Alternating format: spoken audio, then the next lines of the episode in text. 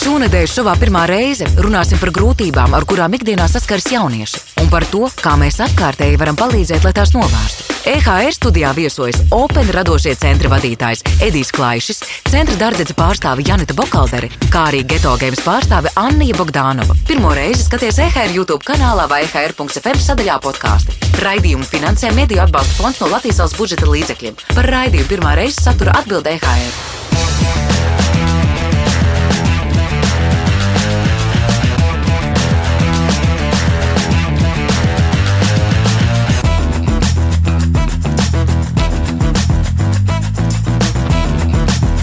Čau, čau, čau! Šodien, šovā pirmā reize, mēs runāsim par grūtībām, ar kurām ikdienā saskaras jaunieši. Par to, cik tālu šīs grūtības mūs var aizvest, un arī par to, kā mēs apkārtēji varētu kļūt pišķīt saprotošāk un līdz ar to palīdzēt citiem apkārtējiem nenokļūt tur.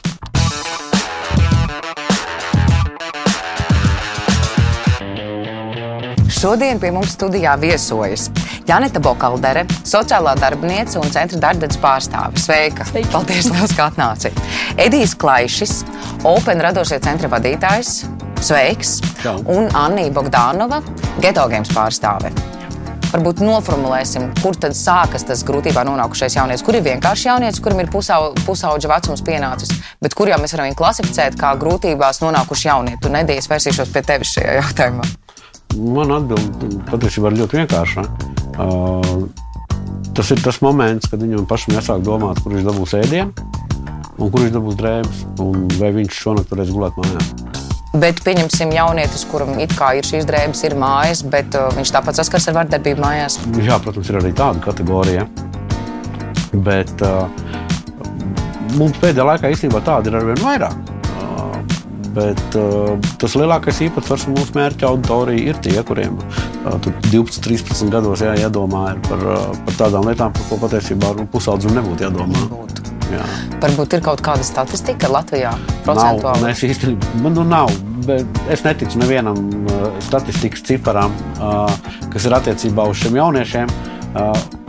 Nu, mēs varam aiziet saskaitīt, cik ir vērmans dārzā, mēs varam aiziet saskaitīt, cik ir pie Origo. Uh, mēs varam aiziet pa, saskaitīt pie Geto games, pas, nu, jā, cik tādā brīdī tur ir. Jā. Nu, vai tā ir statistika? Nu, nē, tā nav statistika. Un jāsaprot, ir tas, ka par lielāko daļu šo jauniešu, uh, to es vienmēr cenšos pateikt, sistēma neuzzina. Un neuzzina ļoti vienkārši iemeslu dēļ. Mm -hmm. uh, lai kādi nebūtu šie vecāki, tie ir viņu vienīgie vecāki, kurus viņi mīl. Un viņi nedarīs neko, uh, kas var apdraudēt viņu vecākus. Cits stāsts ir tur, kur jau ir fiziska vardarbība, seksuāla vardarbība un tā tālāk. jā. Tur viņi runā Tā, par to, bet arī nevienmēr. Nevienmēr, bet uh, uh, tad uh, tie ir tie gadījumi, kuri vēršas pēc palīdzības. Tie, kas nāk pie mums, uh, tie viņi tad nāk pie mums, jo viņi zina, ka es tālāk neziņošu bez viņu uh, piekrišanas. Jā. Un, nu, tā ir lieta, tāpēc par kaut kādu statistiku runāt. Nu, tā pilnīgi- statistika, protams, oficiālā statistika, es pat tā nepārāk ticu, bet drīzāk laikam, tas būtu jautājums par to, nu, pieņemsim no simts jauniešiem. Cik nevar mums aptuveni to arī nevar pateikt? Mums arī ir vēl, ir vēl viena lieta, kas ir jāsaprot, ar ko es pēdējā laikā ļoti bieži saskaros. Ir uh, ļoti daudz, kas šobrīd pieaugušajiem ir vissvarīgākais. Nu, status un kā viņi izskatās citu cilvēku acīs. Un ir ļoti daudz jaunieši, kuri nespēja risināt savas problēmas tā iemesla pēc, ka viņu, viņu vecāki neļauj viņiem vērsties pēc palīdzības, jo tas var izskanēt kaut kur ārpusē. Mm -hmm. Un, uh, tas var, nu, kā, tu, tu vari sākt nesmuki izskatīties, jo viss ir. Tu, tu visu laiku esi pasniedzis kā ļoti, ļoti nu, nezinu, empātisku, Empat- ļoti jā. pareizu, jā, un tā tālāk. Bet patiesībā nu, nu, situācija ir drausmīga. Un, un tādiem jauniešiem ir visgrūtāk palīdzēt, ja arī viņi vēršās pie mums. Ja? Viņiem ir visgrūtāk palīdzēt. Jā, es pie šī gribētu papildināt arī par to, mm, ja mēs runājam par to definīciju, grūtībās nonācis. Tad, jā, tas, ko Edijs runāja, pirmais mums visiem ir šīs pamatvajadzības. Es teiktu, tās grūtības ir tad, kad, ka jaunietim tajā savā vecumā nu, ne, nu, grūtības ir tas, ar ko viņam nebūtu jāsaskarās tādos nu, saucamajos normālajos apstākļos. Bet otrs, uh, otrs bloks, kas nāk pretī, ir tieši tā, tas, kas notiek mājās. Vai tas, ka mums vienmēr ir ko ēst, mums ir drēbes, uh, nozīmē tas, ka es esmu laimīgs un aprūpēts. Mm. Nevienmēr. Uh, mēs vairāk, vairāk kārt saskaramies ar šiem jauniešiem, kas ir pamesti novārtā tieši ar to, ka viņam viss ir, bet viņam nav tās mīlestības, kas ir galvenais. Uh, kad nu, jā, mums ir ne tikai šīs pamatvajadzības fiziskās, bet arī tās emocionālās. Un viens bez otra tur nevar, ja, jo mēs varam dzīvot arī pieticīgos apstākļos, bet būt aprūpēti, mīlēti, apgādāti. Bet tikpat labi, ja mēs varam dzīvot penthausā, jau nu, tieši tā, un tāpat tur vieni, vieni un pamest. Jā. Jā. Un tad mēs ejam vai nu jā, kādā tādā sociālā netik labā grupā meklējam, vai tīpaši, ja mums ir daudz naudas, tad arī daudz atkarību vielas mums kļūst vairāk pieejamas, kas atkal ir jā, tas, tas cits stāsts.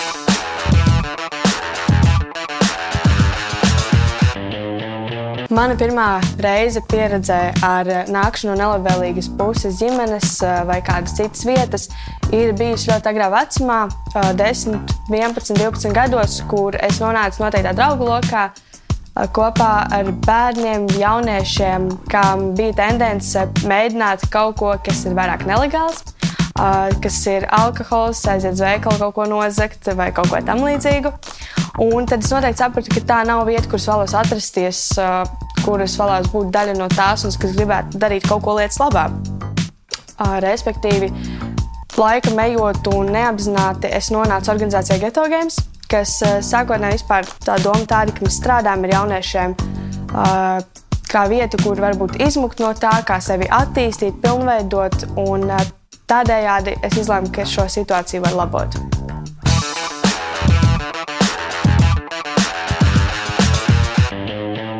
Kā vispār mēs varam noteikt, ka tas cilvēks startā nokļūst tādā pozīcijā, ka nokļūst, piemēram, vai nu pozīcijā, kur viņam ir, viņš lieto, viņš ir nokļūst atkarību varā, kur viņš ir nokļūst situācijās, kur viņu seksuāli izmanto.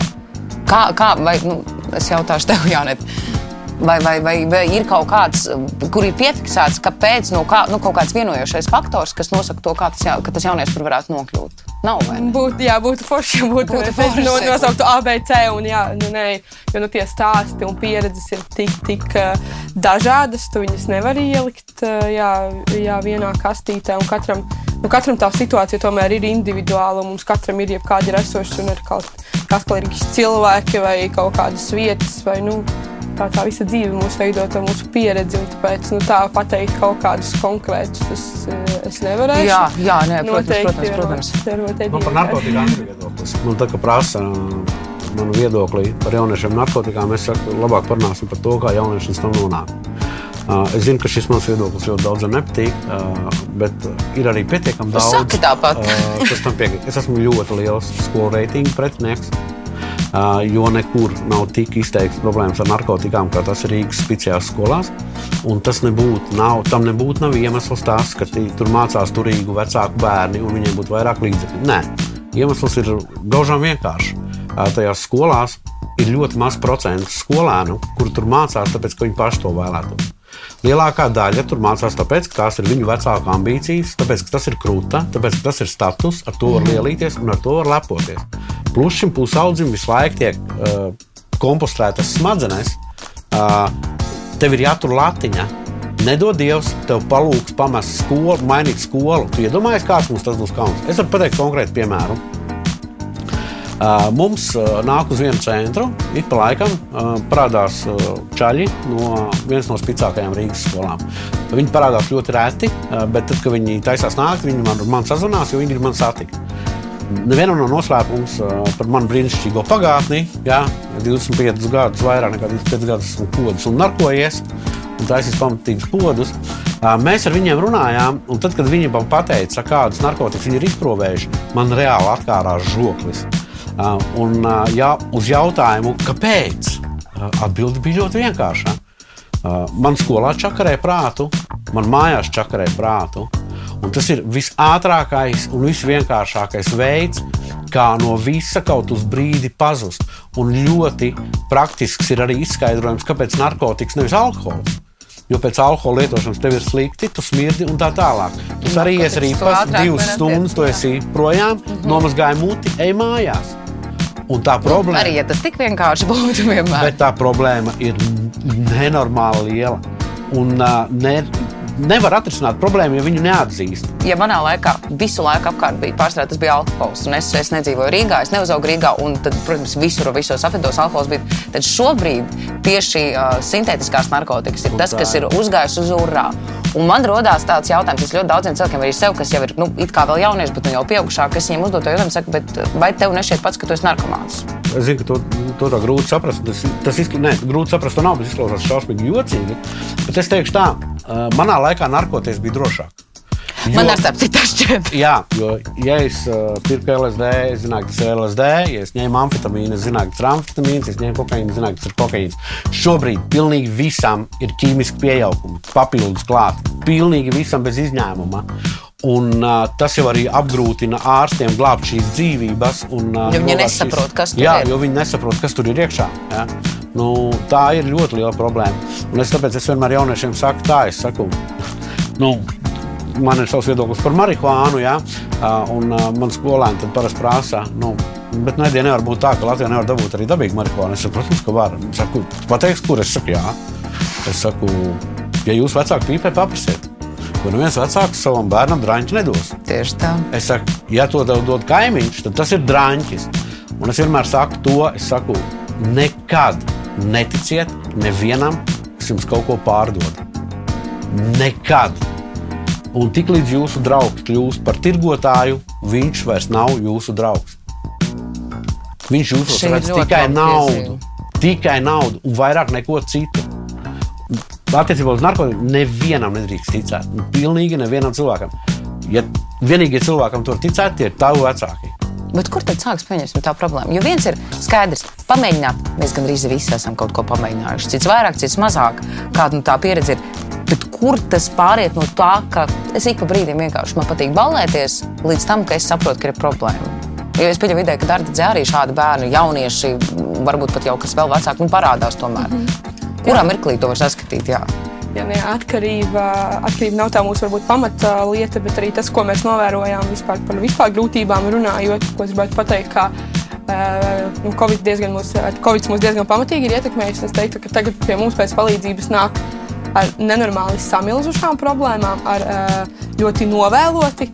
Un uh, visi apkārt, gan speciālisti, gan vecāki sagaida ātru risinājumu. Tā kā samilzušām problēmām, mm. ātru risinājumu, kas ir tas absurds, uh, jo Jo nu, tiešām tas, varbūt, ko mēs redzam, kas manī dara var, vairāk bažību, kur arī bieži vien apakšā ir tās atkarības, ļoti daudz paškaitējošas uzvedības, ļoti daudz suicīda mēģinājumu.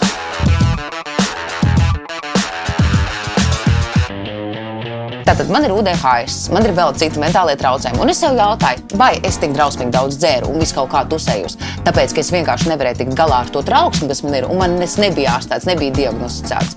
Vai jo skaidrs tas, ka es skatoties, es izdzēru vairāk kā citi cilvēki, kas man ir blakus.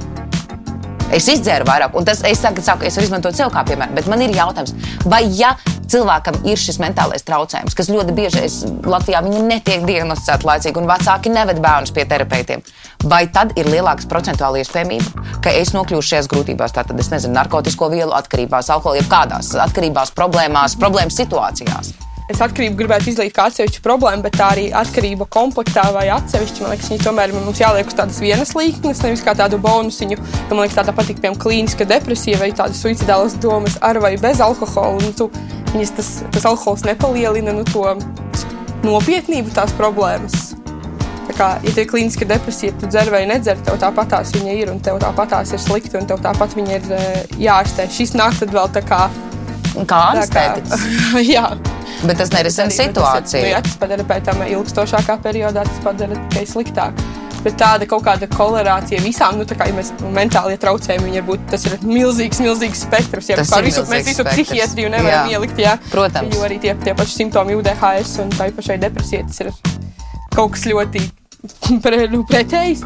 Un, un, un arī tas alkohols tur darbojas tā savādāk. Tāpēc es to Nu, ir nevarētu, ķīmija. jā, es nevarētu tā, tā pateikt, ka jā, alkohols visu to mentālo problēmu, stresu un tādas lietas. Un, ā, nu, vai nu- nu, ka tas akumulētu šo problemātiku. Tātad tad mēs korelāciju nekādu nevaram atrast. Un, pieņemsim, ja man ir bērns un es zinu, ka bērnam ir kaut kāda traucējuma, tas nenozīmē, ka man to bērnu tieši šajā jautājumā atkarības viņai vajadzētu vairāk pieskatīt. Es. Tas baigs. nu, Es zinu, Tas ja ir es ļoti tagad tāds, nē, tas ir Ja es ļoti tagad kaut ko pateikšu, tad tam noteikti būs kāds, kurš teiks, Nē, nu, tas nu, gan tā, jebkuru atbildi, kur mēs tagad sniegsim, būs kāds, kurš. Uh, Mēs varam dalīties tikai ar savu pieredzi. Tas es, ir viss, ko mēs es, es, nevarēšu, darīt. es nevarēšu šito pateikt. E, pie mums ir bijuši, piemēram, uh, tā nav mūsu specifika, jā, pilnīgi galīgi tas nav mūsu profils, bet pie mums ir bijuši jaunieši ar uh, ļoti nopietnām, jā, nu tur tiešām, jā, tur ar šizofrēniju un tā tālāk. Nu, patiesībā neviens no viņiem nelietoja alkoholu.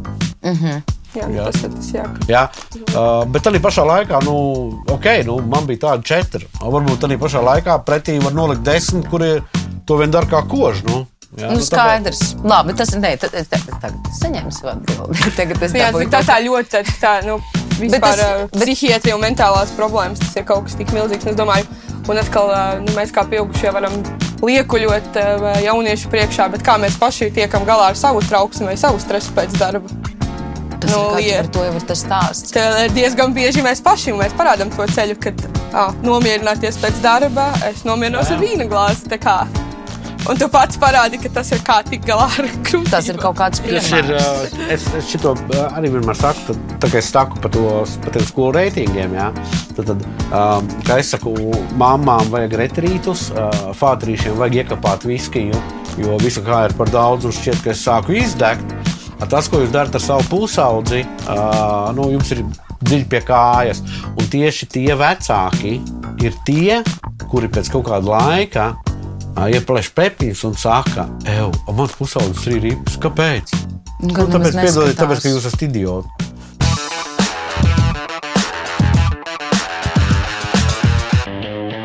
Mana pirmā reize, kā es saku, kad man izsita korķus, ir uh, saistīta ar uh, gadījumu, kad meitene uh, dzīvoja kapos. Uh, Dēļ tā, ka uh, uh, mājās uh, pret viņu bija gan emocionāla vardarbība, gan fiziskā vardarbība. Un uh, neviens ne par viņu nelikās nezinis. Uh, viņai pašai bija jāgādā pārtika un tā tālāk. Uh, viņa bija izvēlējusies uh, dzīvot kapos. Un, uh, kapos viņa bija izvēlējusies dzīvot, tāpēc, ka viņa kapus ļoti labi pārzina. Uh, viņa tur bija strādājusi kā palīgs strādnieks. Un šī reize arī īstenībā parādīja to, ka reizēm šiem jauniešiem vajag ļoti maz, lai viņi varētu uzsākt pilnvērtīgi dzīvot.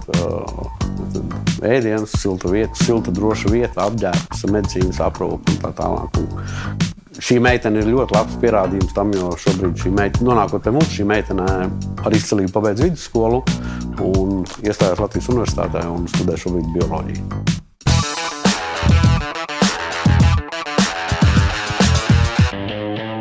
Kas ir tie signāli, lai es piefiksētu, ka kādam, vienalga, lai kurš tas cilvēks būtu, šis jaunietis man apkārt, lai kas viņš man arī būtu, ka es redzu, ka viņš ir grūtībās. Ja tu esi draugs, skaties uzvedību un uh, par to, vai nākamajā rītā viņš varētu to vēl darīt. Bet tad, tad var visu laiku to turpināt darīt. Jā. Labi.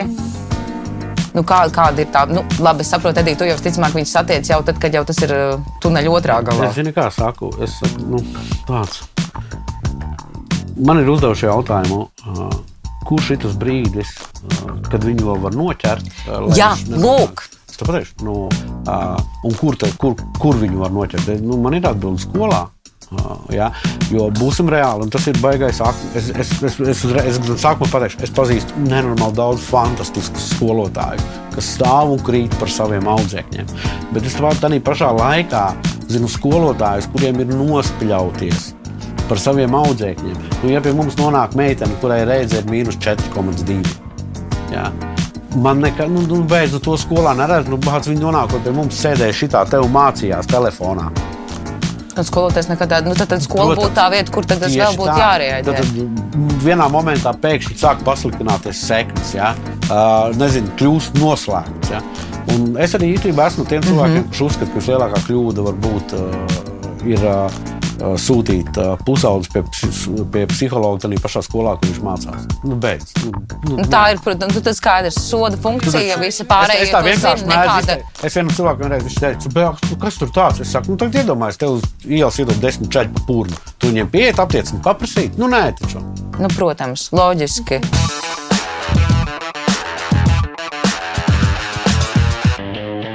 Jāteic, ka laikam grūti atcerēties pirmo reizi, bet, kā parasti saka, tu atceries pirmo, pēdējo un briesmīgāko. Tad varbūt es pastāstīšu, jā, pirmā pieredze bija, kad sākot strādāt šajā profesijā.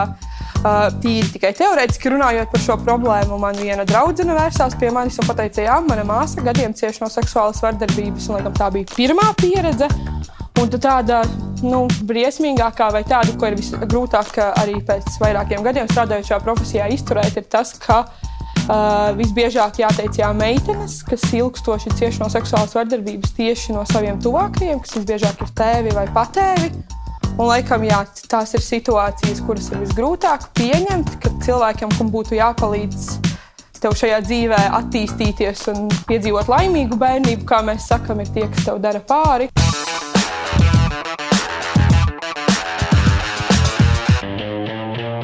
Kurš ir tas signāls, kur tu saproti, ka tā robeža ir pārkāpta. Jo ir tik ļoti daudz mhm. jaunu, un tas nav vienalga, tur ir nebināra persona, jauna meitene, puisis, kuri nezina tās robežas. Viņiem kāds uzliek roku. Un cits mm. pasakā, bet tas ir ok.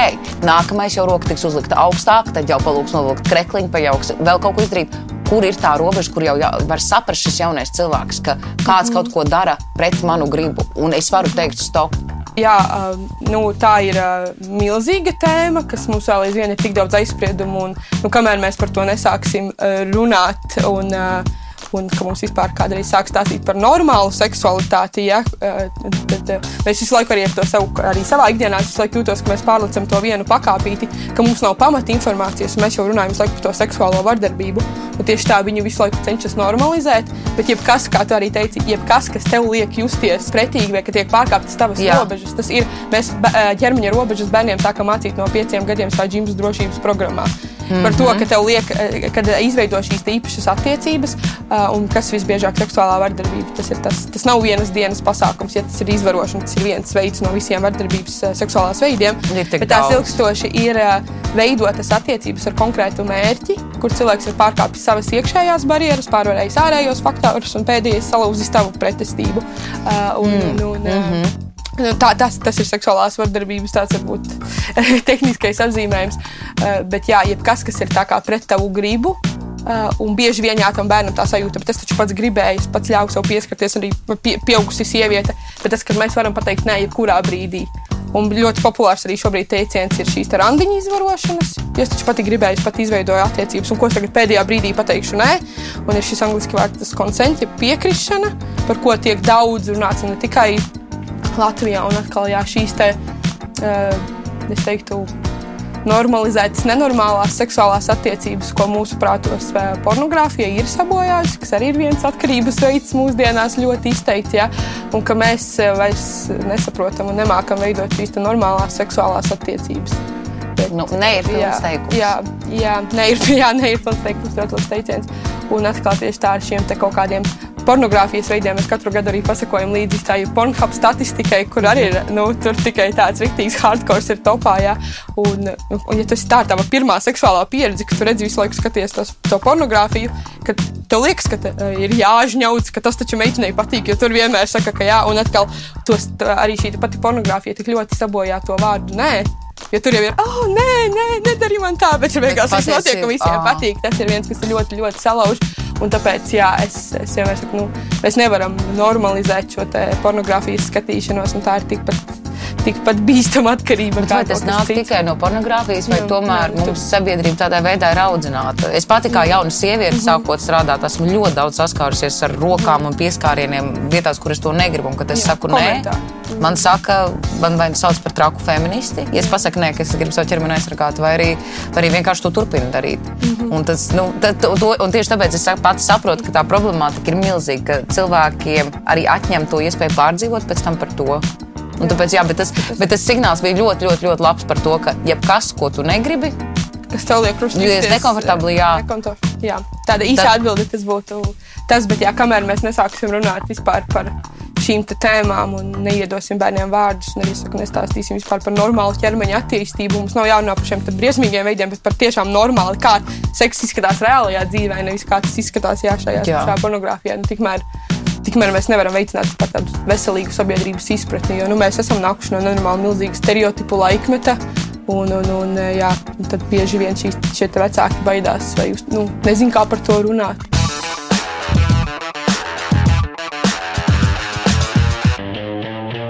Tas kopsavilkums ir tāds, ka viss man šeit nāk no tādas bišķi nezināšanas, gan no vecāku puses, ka viņi neinteresējas par to, kas notiek ar bērniem, gan ka paši jaunieši arī nezina, kas notiek.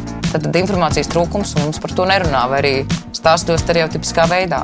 Attiecības un drošais cilvēks, kam uzticēties. Pilnīgi visur. Uh, zini, es vienmēr saku tā, es saku, uh, pilnīgi visur, lai, lai, jeb, lai jeb, pilnīgi jebkādu problēmu mēs to varam attiecināt. Šeit es pat nerunāju par jauniešiem, par ko ir saruna.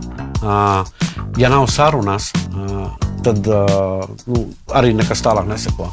Uh, tas, tas ir pilnīgi visās, tas ir pilnīgi visās lietās. Protams, Pirmā ir jā. jābūt sarunai. Un, diemžēl, būsim reāli, mēs esam tik ļoti pārņemti visi ar sevi, kad trūkst šīs sarunas. Un, nu, cik bieži man ir, man ir, man ir beigais ieguvums tam, ka es darbojos ar jauniešiem, ka es katru dienu saņemu patiesas ziņas ar jautājumu, čo vecā mīkla, kā tu? Jā. Uh, jo viņi to nedara ķeksīša pēc, uh, jā, viņi to nedara pienākumu pēc. Uh, bet cik bieži mēs pieaugušie viens otram paprasām to? Bet nevis ķeksīša pēc, Bet, bet pa īstam, radot jā. piemēru, protams. Jā, pa īstam paprasot, kā tev iet, jā, un tā tālāk. Un, un neiesmējot par otru problēmām, es tāpēc vienmēr esmu teicis, beidziet lietot šo te teicienu, man tavs problēmas. Jā. Es saku, tu iedomājies, ja tev cilvēks ir saņēmies un stāsta to, tad viņam tajā brīdī, tā uz to brīdi ir ļoti liela problēma. Saku, un iedomājies, tagad, ka tev ir kāda smaga problēma, un tu tagad saņemies kādam to pastāstīt, tu pretī saņem man tavs problēmas. Ja? Nu, viss, uh, un nu, sekas mēs saprotam, kādas tam ir. Ja? Protams. Un tās sekas ir ļoti bieži traģiskas. Jā, un, uh, un tad pēc tam domā, jā, bet kā tāds pozitīvs, kas tur tur pēkšņi Nu, tāpēc, kāpēc cilpā ielikās? Jā, Jā. jā. Mm -hmm. Tā ir sarunāšanās. Tas ir starp paudzēm sarunāšanās, savā starpā starp pienākušiem sarunāšanās. Un tā tālāk. Man tādā ziņā ir milzīgs prieks par mūsu centra jauniešiem, jo es redzu to, kā es saku, man patīk, ka es redzu, ka veidojās pēctecība, ja, ka viņi jau sāk nu, viens par otru uh, rūpēties. Ja, tur, mums šodien arī viens uh, mums ir slims. Ja, Kaut ko ir dabūjis temperatūru, guļ. Man cits zvanīja, nu, kā viņam šodien ir tur. Jā, tur. Nu, viņi tur viņi tā ir pēctecība. Viņiem tiek parādīts piemērs, un viņi turpina rūpēties. Jā, un viņi sarunājās savā starpā. Un, uh, un tas ir jādara arī pieaugušajiem. Un arī pieaugušajiem ir jāsarunājās ar pusaudžiem. Tad mēs taču esam tik ļoti pārņemti ar savu, kā es saku, pareizumu un zināšanu, kā vajag. Jā. Ka, nu, mēs arī nedzirdam tos pusaudžus, būsim reāli. Tad, kad viņi cenšas, tad, kad viņi cenšas ar to pieaugušo runāt, pieaugušam jau nav laika.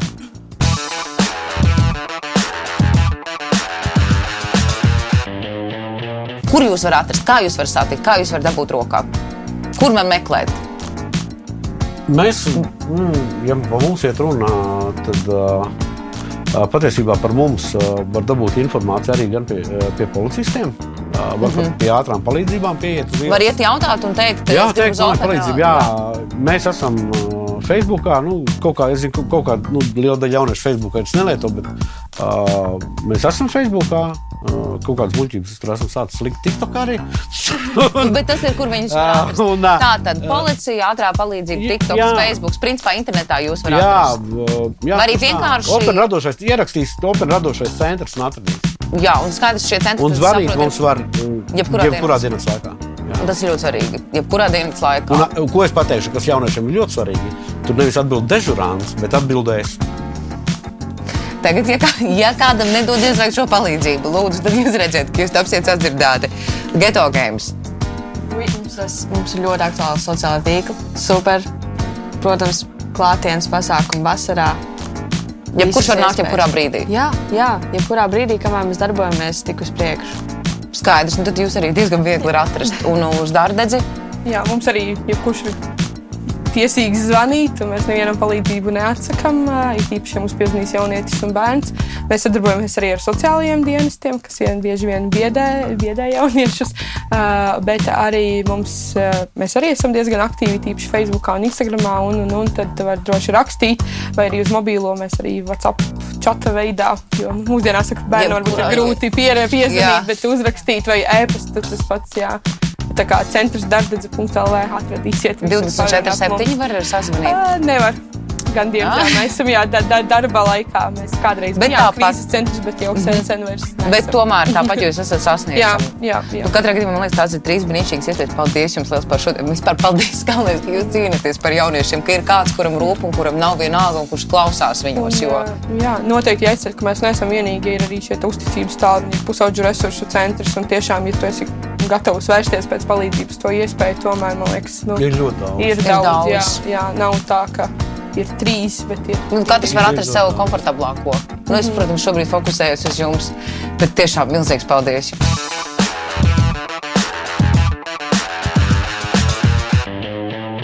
Šis bija šovs pirmā reize. Šodien pie mums ciemos bija Geto Games pārstāve Anna Bogdanova, Janeta Bokaldere no centra Dārdedze, kā arī Open radošie centra vadītājs Edijs Klaišs. Piesakums Instagramā, TikTokā, Facebookā, Telegramā. Es nezinu, vai tur var piesakot. Nē, meklē mūs visur, kas meklē, tas atrod, kas klausās, tas sadzird, kas skatās, tas redz. Čau!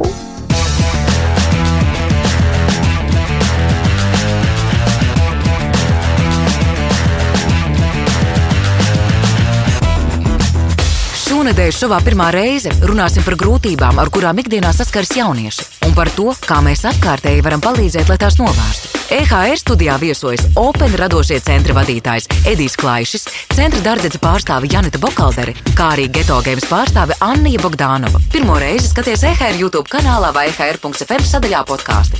Raidījumu finansē Mediju atbalsta fonds no Latvijas valsts budžeta līdzekļiem. Par raidījumu pirmā reize satura atbild EHR.